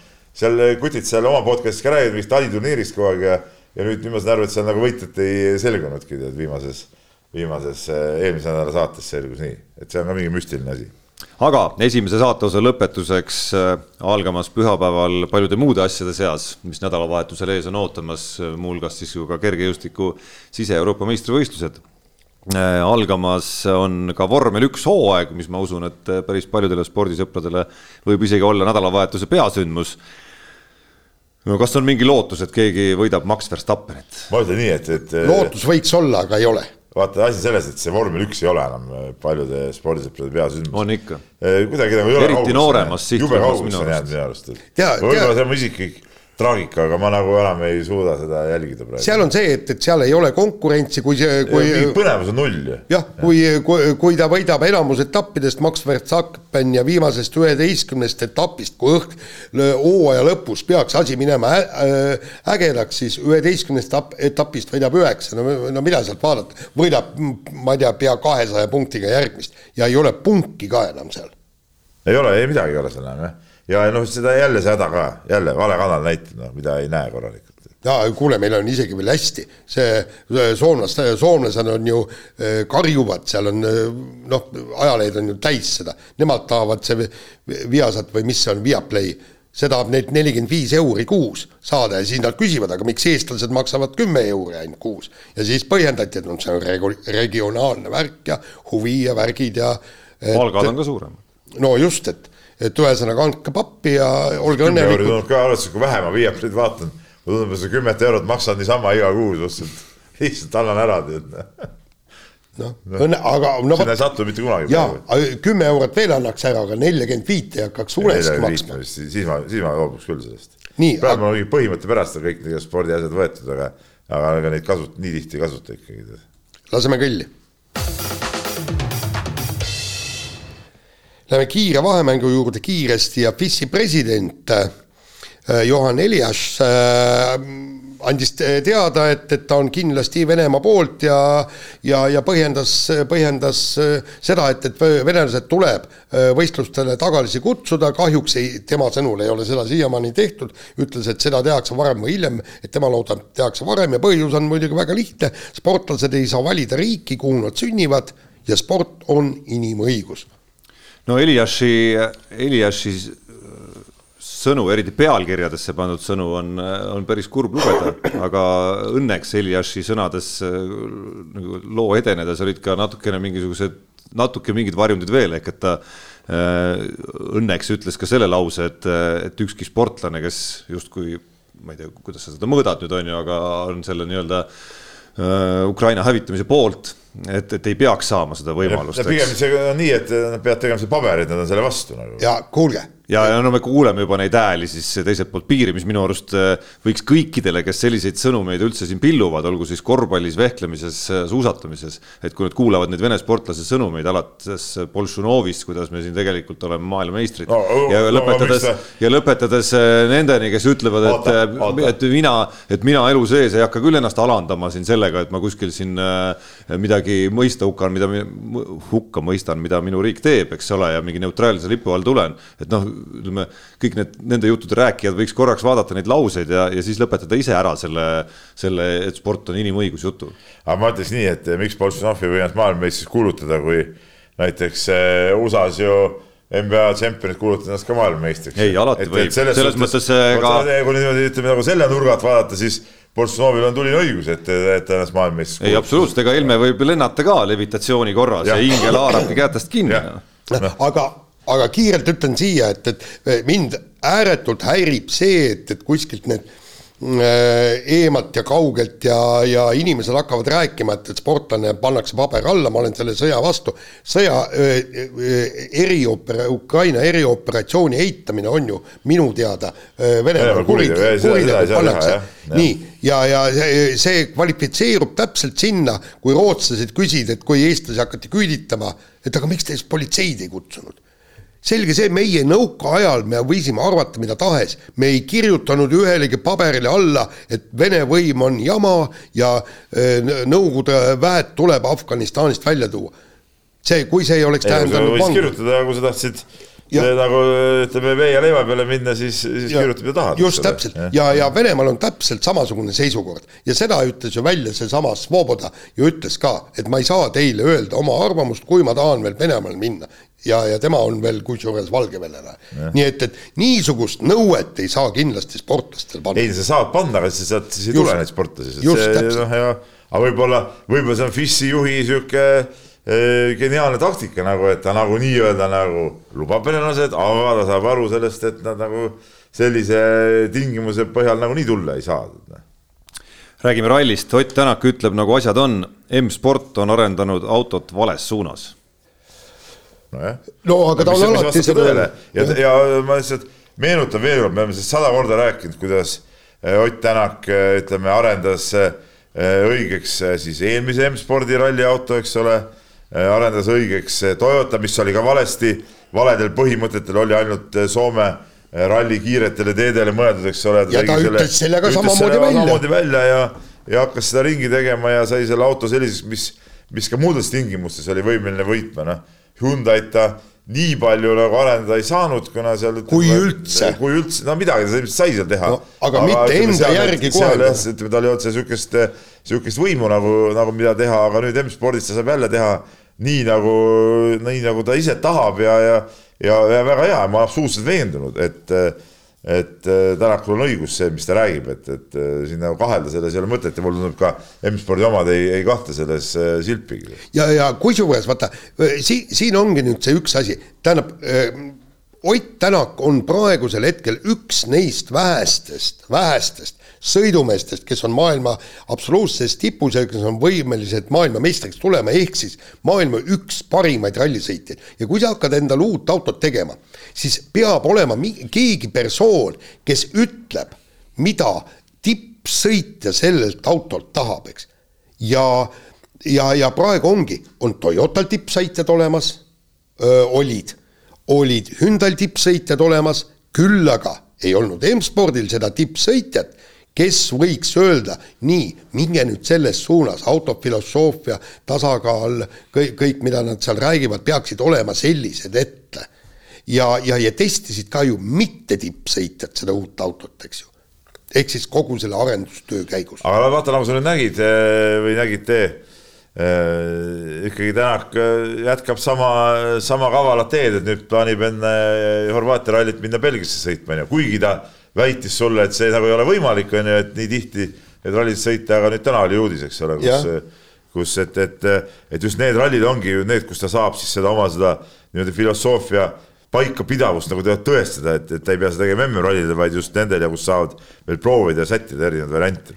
küll, küll aga ütles äh, Martin Järveoja Otepää ralli äh, ajal järel, äh, kui me seal juttu ajasime, tegime isegi intervjuud, ta ütles, et jah, et mõningad mõtted on et, et väiksemaid rallisid minna sõitma, sest eh, selle autoga on vaja koguda kilomeetrid ja ma, ma arvan, et, et praegu nähti Rootsis ära, et selle autoga on võimalik sekkuda suurde mängu ja võidelda maailmameistritiitli nimel. ja nüüd on ka võib-olla eh, Ott Tänaku peas see klikk käinud ja ta on valmis loobuma mõnest nädalast ja nädalavahetusest kodus Eestis perega ja, ja minema siis sinna väikesele rallile no pigem ma, ma arvan, et ega ta see on sellest kogu aeg aru saanud, et no üks asi on see, mida võib-olla välja ütelda ja ei olegi vaja kõike kohe ette padrata, et eh, kont konkurendid ka teada saavad, vaid need tulevad välja siis, kui on selleks õige aeg lihtsalt. nii, aga ütleme, asjad on uppis natuke Eesti tennises ja, ja vanameister, ma ei tea, kas naissportlase kohta võib ka öelda ikkagi vanameister, eks ole. Eh, Kaia Kanepi on siis tõusnud taas Eesti tennise esireketiks, kuna Anett Kontaveit on siin äh, haiguste ja, ja vigastuste tõttu pidanud äh, mingitest turniiridest loobuma, ei ole saanud, ei ole saanud äh, ka nii häid, häid tulemusi näidata ja on langenud kuuekümne esimesele kohale. suured need edetabelipunktid ära kukkunud ja, ja Kanep on neljakümne kolmas ja nii ongi nüüd Kanepi Eesti esireket jälle. ja ma arvan, et tema kohta varsti võib juba öelda grand old lady no ma arvan, võib juba praegu juba ütelda seda tegelikult, spordi aga... mõistes. no see on ikka natuke, kõlab natuke võib-olla eakamate inimeste kohta. spordi mõistes ma räägin. jah, spordi mõistes. me võtame spordi, sportlase. Tarmo jälle ei mõista seda asja. Grand old lady. ma kujutan ette lahkunud kuninganna kohta sa ütled midagi sellist ei, aga tema ongi ju tennise, Eesti tennise kuninganna. kuninganna loomulikult. loomulikult. absoluutselt. ega siis Inglise kuninganna. aga mis ma nagu mõtlen selle punkti juures, okei okay,, Kanepi, tiitlit Kanepiks, eks ole, et tema on äh, niigi oma, ütleme, see seisus on ta neljakümnes, kolmekümnes, noh, väga kõva. aga ma mõtlen, et Kontaveidil nüüd, sa oled olnud teine pikalt, eks ole, nüüd sa oled kuuskümmend üks, et ega sealt tagasi ronida sinna üles on jälle päris keeruline, et see no., see kukkumine, vaata, kui sa oled saanud ühel, sul oli mingi hea periood, sa saad teatud turniiridel need punktid kätte järgmine aasta ei tee, siis see kukkumine on väga kiire, aga neid punkte uuesti koguda on jälle jube keeruline. aga, aga mis mind selle juures häirib, on see, et, et me saame neid kuskilt väikestest uudiste tirtsudest teada, kui me vaatame, kes on sellele turniirile üles, üles antud ja, ja kes on sealt oma nime maha tõmmanud. et sealt saame, et äh, Anett ja tema tiim võiks mõelda ikkagi sellele, et äh, mitte ajakirjanikele me oleme täiesti nõus ka sellega, et, et kui te seal kuskil Facebookis või kuskil oma äh, avaldate, et äh, mis, millised on probleemid ja, ja millal võiks tagasi tulla, mida te praegu teete, et fännidele, sellepärast et ajakirjanik on ju tegelikult see, kes vahendab uudiseid fännidel ja, ja teil on Kaia Kanepil ja Anett Kontaveidil on Eestis ja ka maailmas äh, sadu ja tuhandeid fänne, et nemad tahavad ja ootavad infot ajakirjanikud ootavad ka. võib-olla seda infot neil enda, enda jaoks ka ei ole nii palju. no siis ole hea, et, et panegi kasvõi see postitus, et praegu ei ole teada, käivad uuringud, et ma loodan seda, teist, kolmandat, aga anna ikkagi teada. ja, ja see noh, sa ei pea ajakirjanikule helistama, pane kasvõi endal Facebooki või kuhugi üles, kus fännid selle leiaks. nii, mina jälle või? nii, täna kolmkümmend viis aastat tagasi oli öö, mil tuled Eestimaa akentes ei kustunud, ehk siis Allar Levandi võitis Kalgari olümpial pronksi. ma just lugesin täna, täna seda noorreporter Rasmuse tehtud lugu, et huvitav oli jälgida jah, kuidas siis tõesti inimene, kes, kes ei olnud sündinudki sel ajal, siis et kuidas ta nagu läheneb sellele loole. aga hästi lähenes. aga ma jäin mõt-, ei, ma jäin lihtsalt mõtlema, mingil kohal ma peatusin ja jäin mõtlema tõesti sellele kohale, et, et meie hea hea endine kolleeg Gunnar oli siis nende sõnade autor, see, see lause siis, et tuled Eestimaa kodudes ei kustunud, no komakoht ja mõni silp siia-sinna, eks ole. et ma arvan, et päris asjakohane tervitus Gunnarile, et, et, et, et kui su lause nagu selliselt jääb nagu terveks eluks põhimõtteliselt nagu rahvas, rahva suus ringlema. ei, selles suhtes see see lause on äh, legendaarne, ega see nüüd selle tänase looga nagu välja ei tulnud. ei, ei tulnud, ei tulnud, lihtsalt, lihtsalt seal oli korraks, seal oli mingi koht, kus, kus oli selle, selle lause sünd ja, ja, ja natuke nagu peat, ja peatutud selle konkreetse nagu koha peal ka seal jah, ja minu kodus ka, kuigi ma olin tõesti mis ta siis oli, kaheksakümmend kaheksa. sa olid üheksa aastane. ma olin, polnud veel üheksa saanudki, et, et tõepoolest ka ei kustunud, et läksin küll magama, aga, aga vanemad äratasid mu üles ikkagi. ja, ja mina mäletan ka, ma kirjutan praegu oma piibu, piibujutte, et, et kuida-, kuidas kõik see too, toona oli, see noh, kui me vaatame sinna selle Allar Levandi võidu taha, et on see selles mõttes, et punkt üks, eks televisioon tegi suusatamisest maailma kõige suurema ala, eks. ja, ja meil ei olnud ju aastaid, aastaid, aastaid ei olnud kedagi va vaadata sellel MM-il, mida telekast näidati. Ja ühtäkki tuleb Allar Levandi, noor mees, lahe vend ja kellest tehti täielik rokkstaar ju. Lõppkokkuvõttes, kusjuures nad ju rokkisid ka veel täiega, eks. ja nii, ja nüüd siis järsku on tal võimalik võita esimene suur medal. kusjuures Kaia Parve oli eelnevatel aastatel, viimase medali võitis kaheksakümmend kaheksa, oli võitnud seitse kulda laskesuusatamise MM-il ja veel kaks, kaks hõbedat otsa neid ei peetud medalid, noh. ei, aga ei olnud olümpiala enam. ei olnud jah, nad olid plekk, plekkmedalid. olulised asjad, aga noh. ja, aga nad olid selles mõttes plekkmedalid, et täpselt nagu jääpurjetamine, kõik nii. ja siis tuleb Allar ja ma mäletan veel seda, mul oli poiss just äh, sündinud ja siis me seal oma pagana kööktoas ootasime, mida me kõige rohkem ootasime, kas tuleb teleülekanne või mitte, telekas pidi kogu aeg sees olema ja sa pidid kogu aeg jälitama, millal tuleb teade, et kas näidatakse või ei näidata seda võistlust. et, et, et see, see oli. mina mäletan ka seda sõitu väga-väga selgelt, sai telekast vaadatud, aga. igav sõit oli. aga ei, sõit oli, sõit oli olemuslikult väga igav muidugi jah, seal nagu polnud midagi.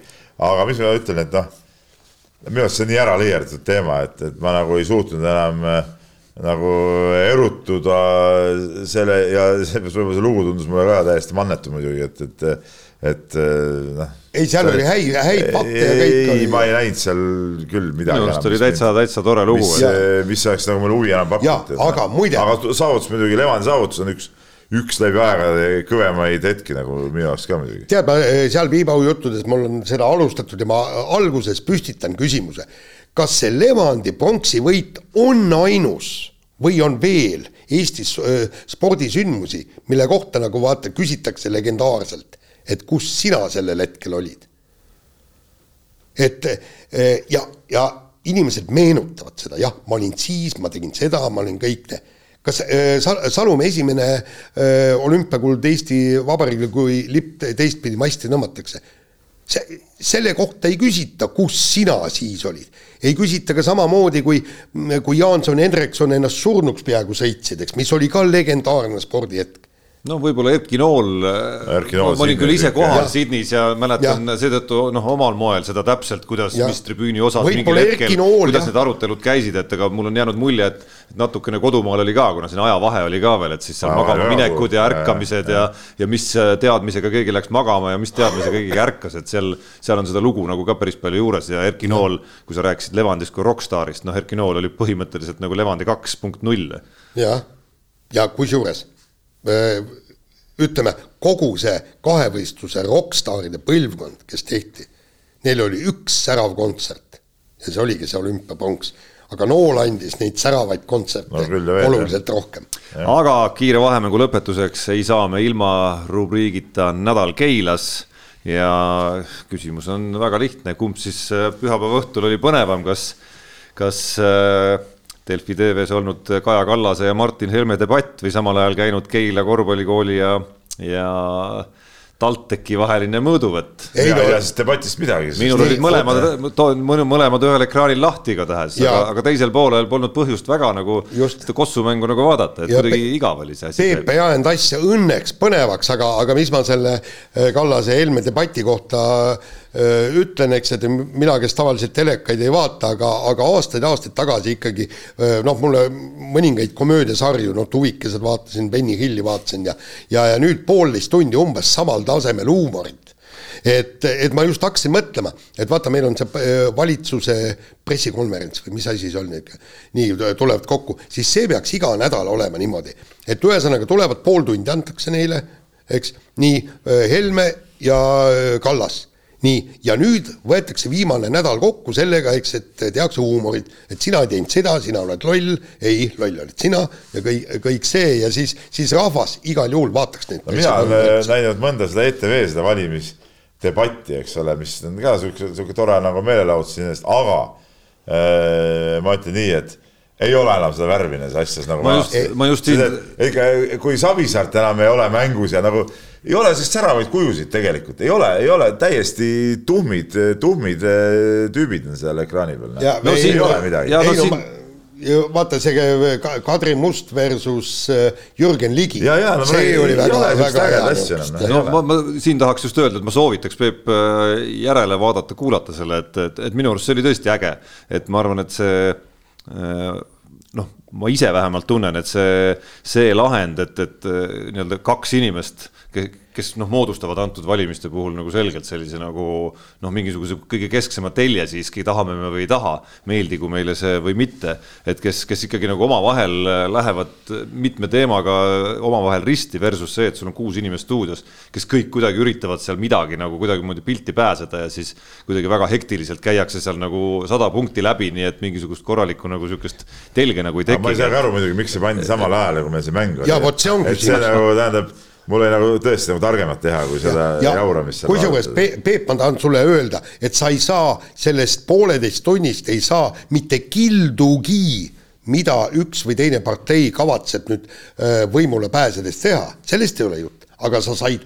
sa saad väga hästi teada, et, et mis on üks valesti teinud või tegemata jätnud ja mis teine ja, ja, ja, ja kuidas ühe arvud on õigemad kui teise, teise arvud, kusjuures mõlemad tuginevad faktidel, kuigi need faktid ja osad arvud muutusid ka veel saate ajal. just no,. ei no küll, aga ei, ei, elu ongi muutumises. ja ei, väga lõbus, kui aega leiad, vaata üle, nii, laseme kõlli Unibetis saad tasuta vaadata aastas enam kui viiekümne tuhande mängu otseülekannet. seda isegi mobiilis ja tahvelarvutis. Unibet, mängijatelt mängijatele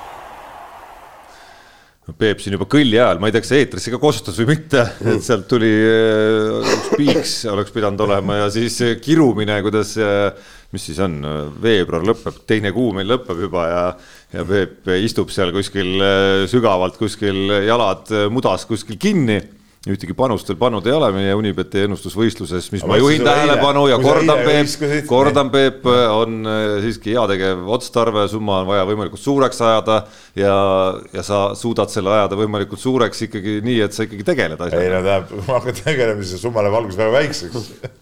Et mõtleks, et parem hoida suuremat summat. Et me, mina leidsin, et, et üht-teist on võimalik kokku äh, kraapida suusa MM-iga ja ütlen, et südamest kahju, et, et kaks panust, ühe, mis ma panin, ei läinud täppi, kes läheb, kes võidab kahevõistluse eh, hüpped, panin jaapanlase peale loomulikult, null koma üks punkti. sealt oleks olnud, oleks tulnud sellepärast, et seal tema koefitsient oli kas neli või neli pool. Ja, ja Riiberil üks koma kaks, et mis põhjusel ma sinna ei pannud. ja, ja, ja pagan null koma üks punkti. Ja teine sealt ma võitsin, ma panin Krügeri, panin äh, poodiumile, kuigi sisetunne ütles, et ta võidab äh, selle suusavahetusega sõidu. aga, aga jah, et no midagi on mul vist kakssada või kolmsada kuuskümmend eurot.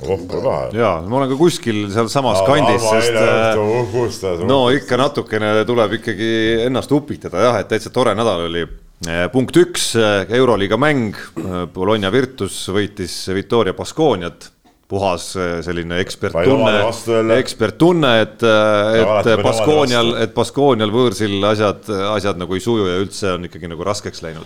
punkt kaks, punkt kaks oli meil siis pühapäev Keila korvpallikool kohtumas TalTechiga. see oli nagu lapse käest kommi võtmine, ütleme sealt raha. tundsin, et, et kihlveokontorite koefitsiendimeistrid olid kuidagi alahinnanud Keila korvpallikooli. mis see Unibetis, kes, kes see mees on? seal isegi vist vähe tsentraalsemalt, mul on tunne, et. kuradi rumal, et koefitsiente paneb, et Tarmo saab seda nii lihtsalt võita. mis see koefitsient on? kolm koma null oli Keila, Keila. tea. kolm koma null. ja lõpetuseks. saatke meile selle mehe nimi ja pilt, tahame lihtsalt vaadata seda, kes. ja lõpetuseks Äh, kõigest küll viie koma kaheksa eurone panus koefitsiendiga neli koma kuus, et Oho. Eesti võidab Rootsit. eile õhtul okay. juhtus ka see ära. oota, viie koma kaheksa eurone või? jah. sihukest panust andma või? miks ei saa? mul oli mingi mitte ümmargune summa seal, siis ma lihtsalt muutsin selle ümmarguseks, panustades viis koma kaheksa eurot koefitsiendiga neli koma kuus. mis mõte on nii vähe panustada? siis parem mitte panna ju. noh, sina oled. ei no koefitsient neli koma kuus oli hea. siis, no siis on mingi tonn peale noh nii, uue nädala eripanus äh, on selline, kus äh, ootame kahevõistluse Suuremäe, Suuremäe lähenemist ja, ja vaatame sealt, mida Kristjan Ilvesest annab äh, välja leiutada, aga täna on veel vara. nii, võtame siis mõned kirjad kiirelt ette ja vana hea kirjasõber, teadlane Priidik kirjutab meile ja, ja kirjutab nii, et mida ütleb teie sisetunne, kus on Eesti sport kümne kuni viieteist aasta pärast võrreldes praegusega eks väikeses riigis on üksikute talentide sporti tulemisest ja lahkumisest tingituna kõikumised suured, kuid nii, küsimus on siis nii üldises plaanis, et kus me nagu oleme. No.. ma arvan, et ma, ma, ma haaran kohe ise kõigepealt Sarve, et mina arvan, me jääme ikka põhimõtteliselt nagu, nagu, nagu samale eh, levelile, et meil ongi need üksikud eh, nii-öelda nagu projektipõhised ülestulijad ja, ja ega siin midagi midagi väga muud äh, nagu olema ei hakka, et see kümme-viisteist aastat ei ole ka nii pikk aeg tegelikult. ja äh, andsin äh, pikema usutluse spordipühapäevale ERR-ile ja no põhimõtteliselt samasugune küsimus on ja, ja, ja no ma olen ju kõik need parteiprogrammid läbi, vaata, et mis mind kõige rohkem häiris, oli see, et, et ei ole nagu mingisugust ühtset Äh, plaani, kuidas me saaksime oma äh, lapsed paremini liikuma, noored paremini tugevaks, et nad läheksid armeesse ja suudaks seal püssi kanda äh, ja, ja, ja kuidas me saaksime rohkem tulevikus medaleid, on niisugused kaootilised lubadused ja tirtsud, mis iseenesest on väga head, aga ei ole tervikpilti. ja, ja mina pakkusin välja, kõik veereb samamoodi kuskil midagi muutub, küll aga, küll aga. Parteid saavad aru, et nad peavad seda sporti, tippsporti paremini rahastama ja nad hakkavad panema ja nüüd on juba konkreetsed lubadused ka, et pannakse lihtsalt Team Estoniale seda raha juurde ja võib-olla selle arvelt meie tippsport natukene tõuseb, võidame mõne medali rohkem, aga, aga niikaua kui häda veel käes ei ole nii, nii kaua seda nii-öelda spordibaasi mis toodaks medaleid, ehk siis noored liikuma, keskkooliõpilased tugevaks treenerite palgad. treenerite palgad kõik, no treenerite palgad ka no, natuke. selles suhtes siin oli, ma ei tea, kas te panite tähele, äh, oli, oli sotsiaalmeedias oli päris hea see äh, plakat, Jüri Jaanson siis oli mingi valimislubaduse pannud, et spordile seal kaks miljonit juurde ja, ja., ja treeneritele parem palk. ja selle alla muidugi väga õigesti seal kommenteerisid seal Harri Lemberg ja Erki Nooled, et ja, ja, ja see point oli selles, et sina, Jüri, ei saa ju ühegi treenerile mingit palka lubada, seda saab lubada ainult spordiklubi äh, juht tegelikult ju. et kuidas, kuidas Jaanson siis seda treenerite palka nagu palgatõusu saab äh, garanteerida, ei saa tead mitte kuidagi garanteerida. aga muide, seda teeb ju Keskerakond ja seda teeb konkreetselt Jüri ja. Ratas oma reklaamides ei, meie tõstame ja, palku no,, väga hea. Nad jaa, aga ma ei tea, kuidas nad saavad seda, okei okay,, nad tõstavad võib-olla. Neil on mingi oma raha võib-olla. ei, ei, nad tõstavad seda riigipoolset äh, toetust, eks ole, aga see, äh, kas klubid sellega kaasa suudavad minna, sest klubi peab ikkagi jälle teise poole ise juurde panema. noh, see, see on nagu, see on nagu omaette küsimus, seal oli veel, ma ei mäleta, kas, vist Nool vist kirjutaski alla, et, et, et see väga tore, et Jaanson on, on mitu korda seal Riigikogus olnud ja, ja pole ühtegi, ühtegi eurot spordile sealt toonud, et see oleks päris huvitav vestlus oli, ma ei tea, kas märkasite seda? jah, aga, aga muide, see, kui te kuulete valimisreklaami, siis eh, Jüri Ratas ütlebki reklaamis, meie tõstame palku ja nii, ma loodan, et Keskerakond pääseb võimule, siis ma lähen Jüri Ratta juurde, küsin, et ei, ma, ei, minu palk ei, peaks siis tõusma, muidugi. ei, väga hea, ma ütlen, et ta peab tõstma minul siis seal Keila peatreeneri palka. ei, ta ei räägi treeneri palkadest üldse, kõikide, kõik ja, ja, ja siis meie palk ja Tarmo, sinu palk siis ka kohe tõuseb. Tarmo saab niigi palju palka. ei no ma vaatasin huvi pärast, äh, see kaldub teemast kõrvale lihtsalt, mis lubamist räägid, äh, puudutab, siis äh, Delfis oli vist eelmise nädala algul ilmus üks maksukalkulaator, kus kõikide parteide tulumaksualased lubadused olid pandud siis kalkulaatorisse, saad oma palga sisse panna sinna ja näha siis, mis ühe või teise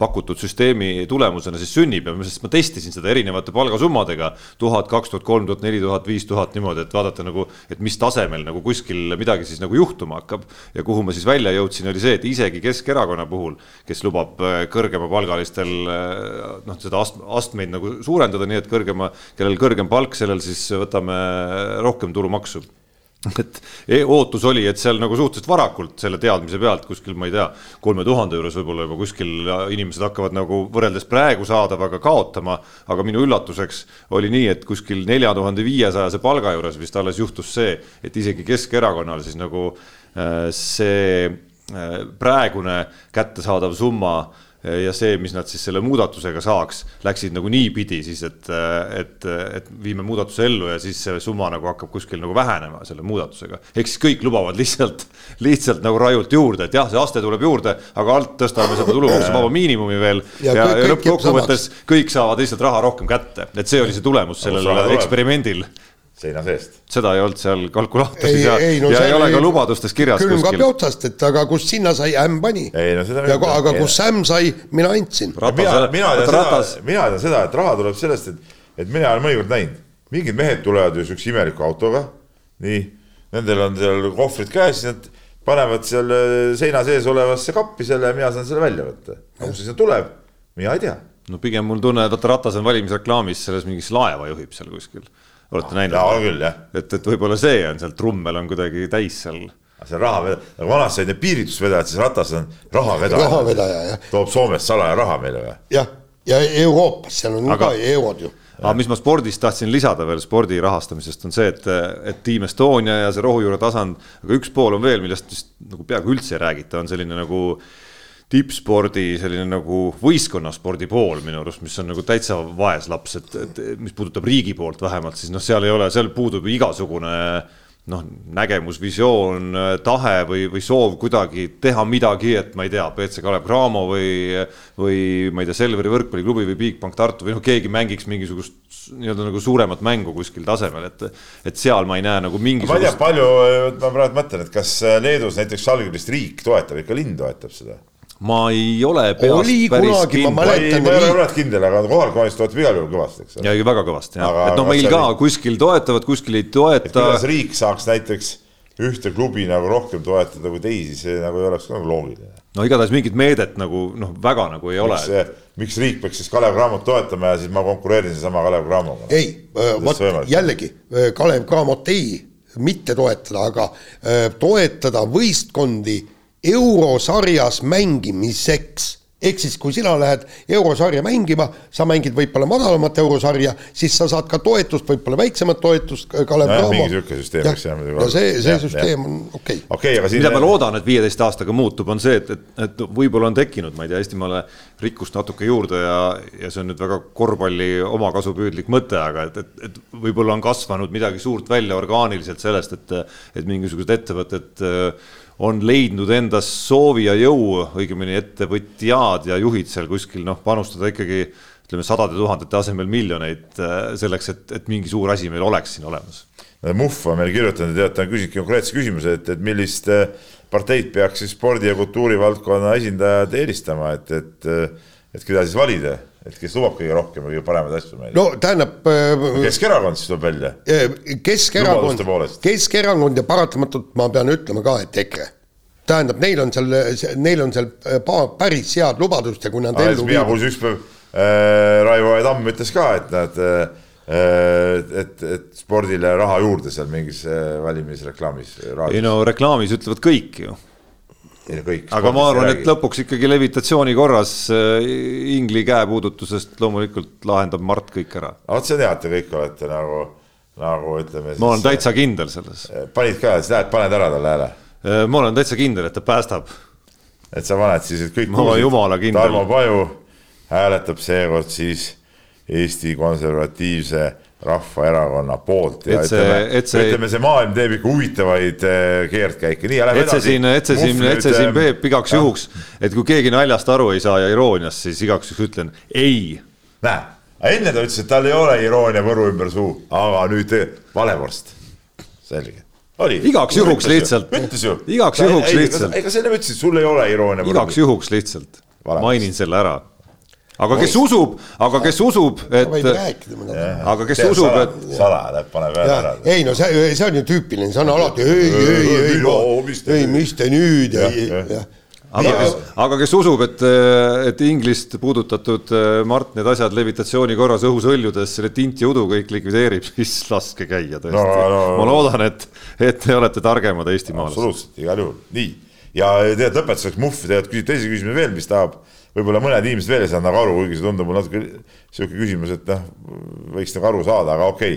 Okay.. selline võiku küsimus, aga kui panna kõrvuti kahe võistlejate normaalne võistluse tulemused ja, ja suusahüppajate normaal, normaalne võistluse tulemused, kas selle põhjal oleks võitnud Riiberi saja kolme poole meetrise hüppega tavahüpetes hõbeda?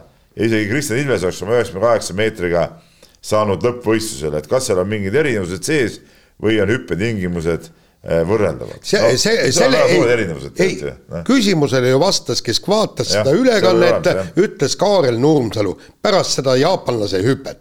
Ja tuligi ekraanile samasugune küsimus, ta ütleb, et vaadake, millised on tuuletingimused, vaadake, milline on äh, see äh, paganama platvorm, et ta ütles niimoodi, et, et kahevõistlejad hüppavad kiire hoo pealt ja sellepärast sellised tulemused. et, et, et suusahüpetel, suusahüppajatel palju madalamale tingimused teised ja ta ütles niimoodi, et suusahüppajate tingimustest oleks seesama jaapanlane hüpanud kakskümmend meetrit vähem. vot nii. nii ongi, nii, aga sellega lõpetame tänase saate ära. ja kuulake meid järgmine nädal. mehed ei nuta. Saate tõi sinuni Unibet, mängijatelt mängijatele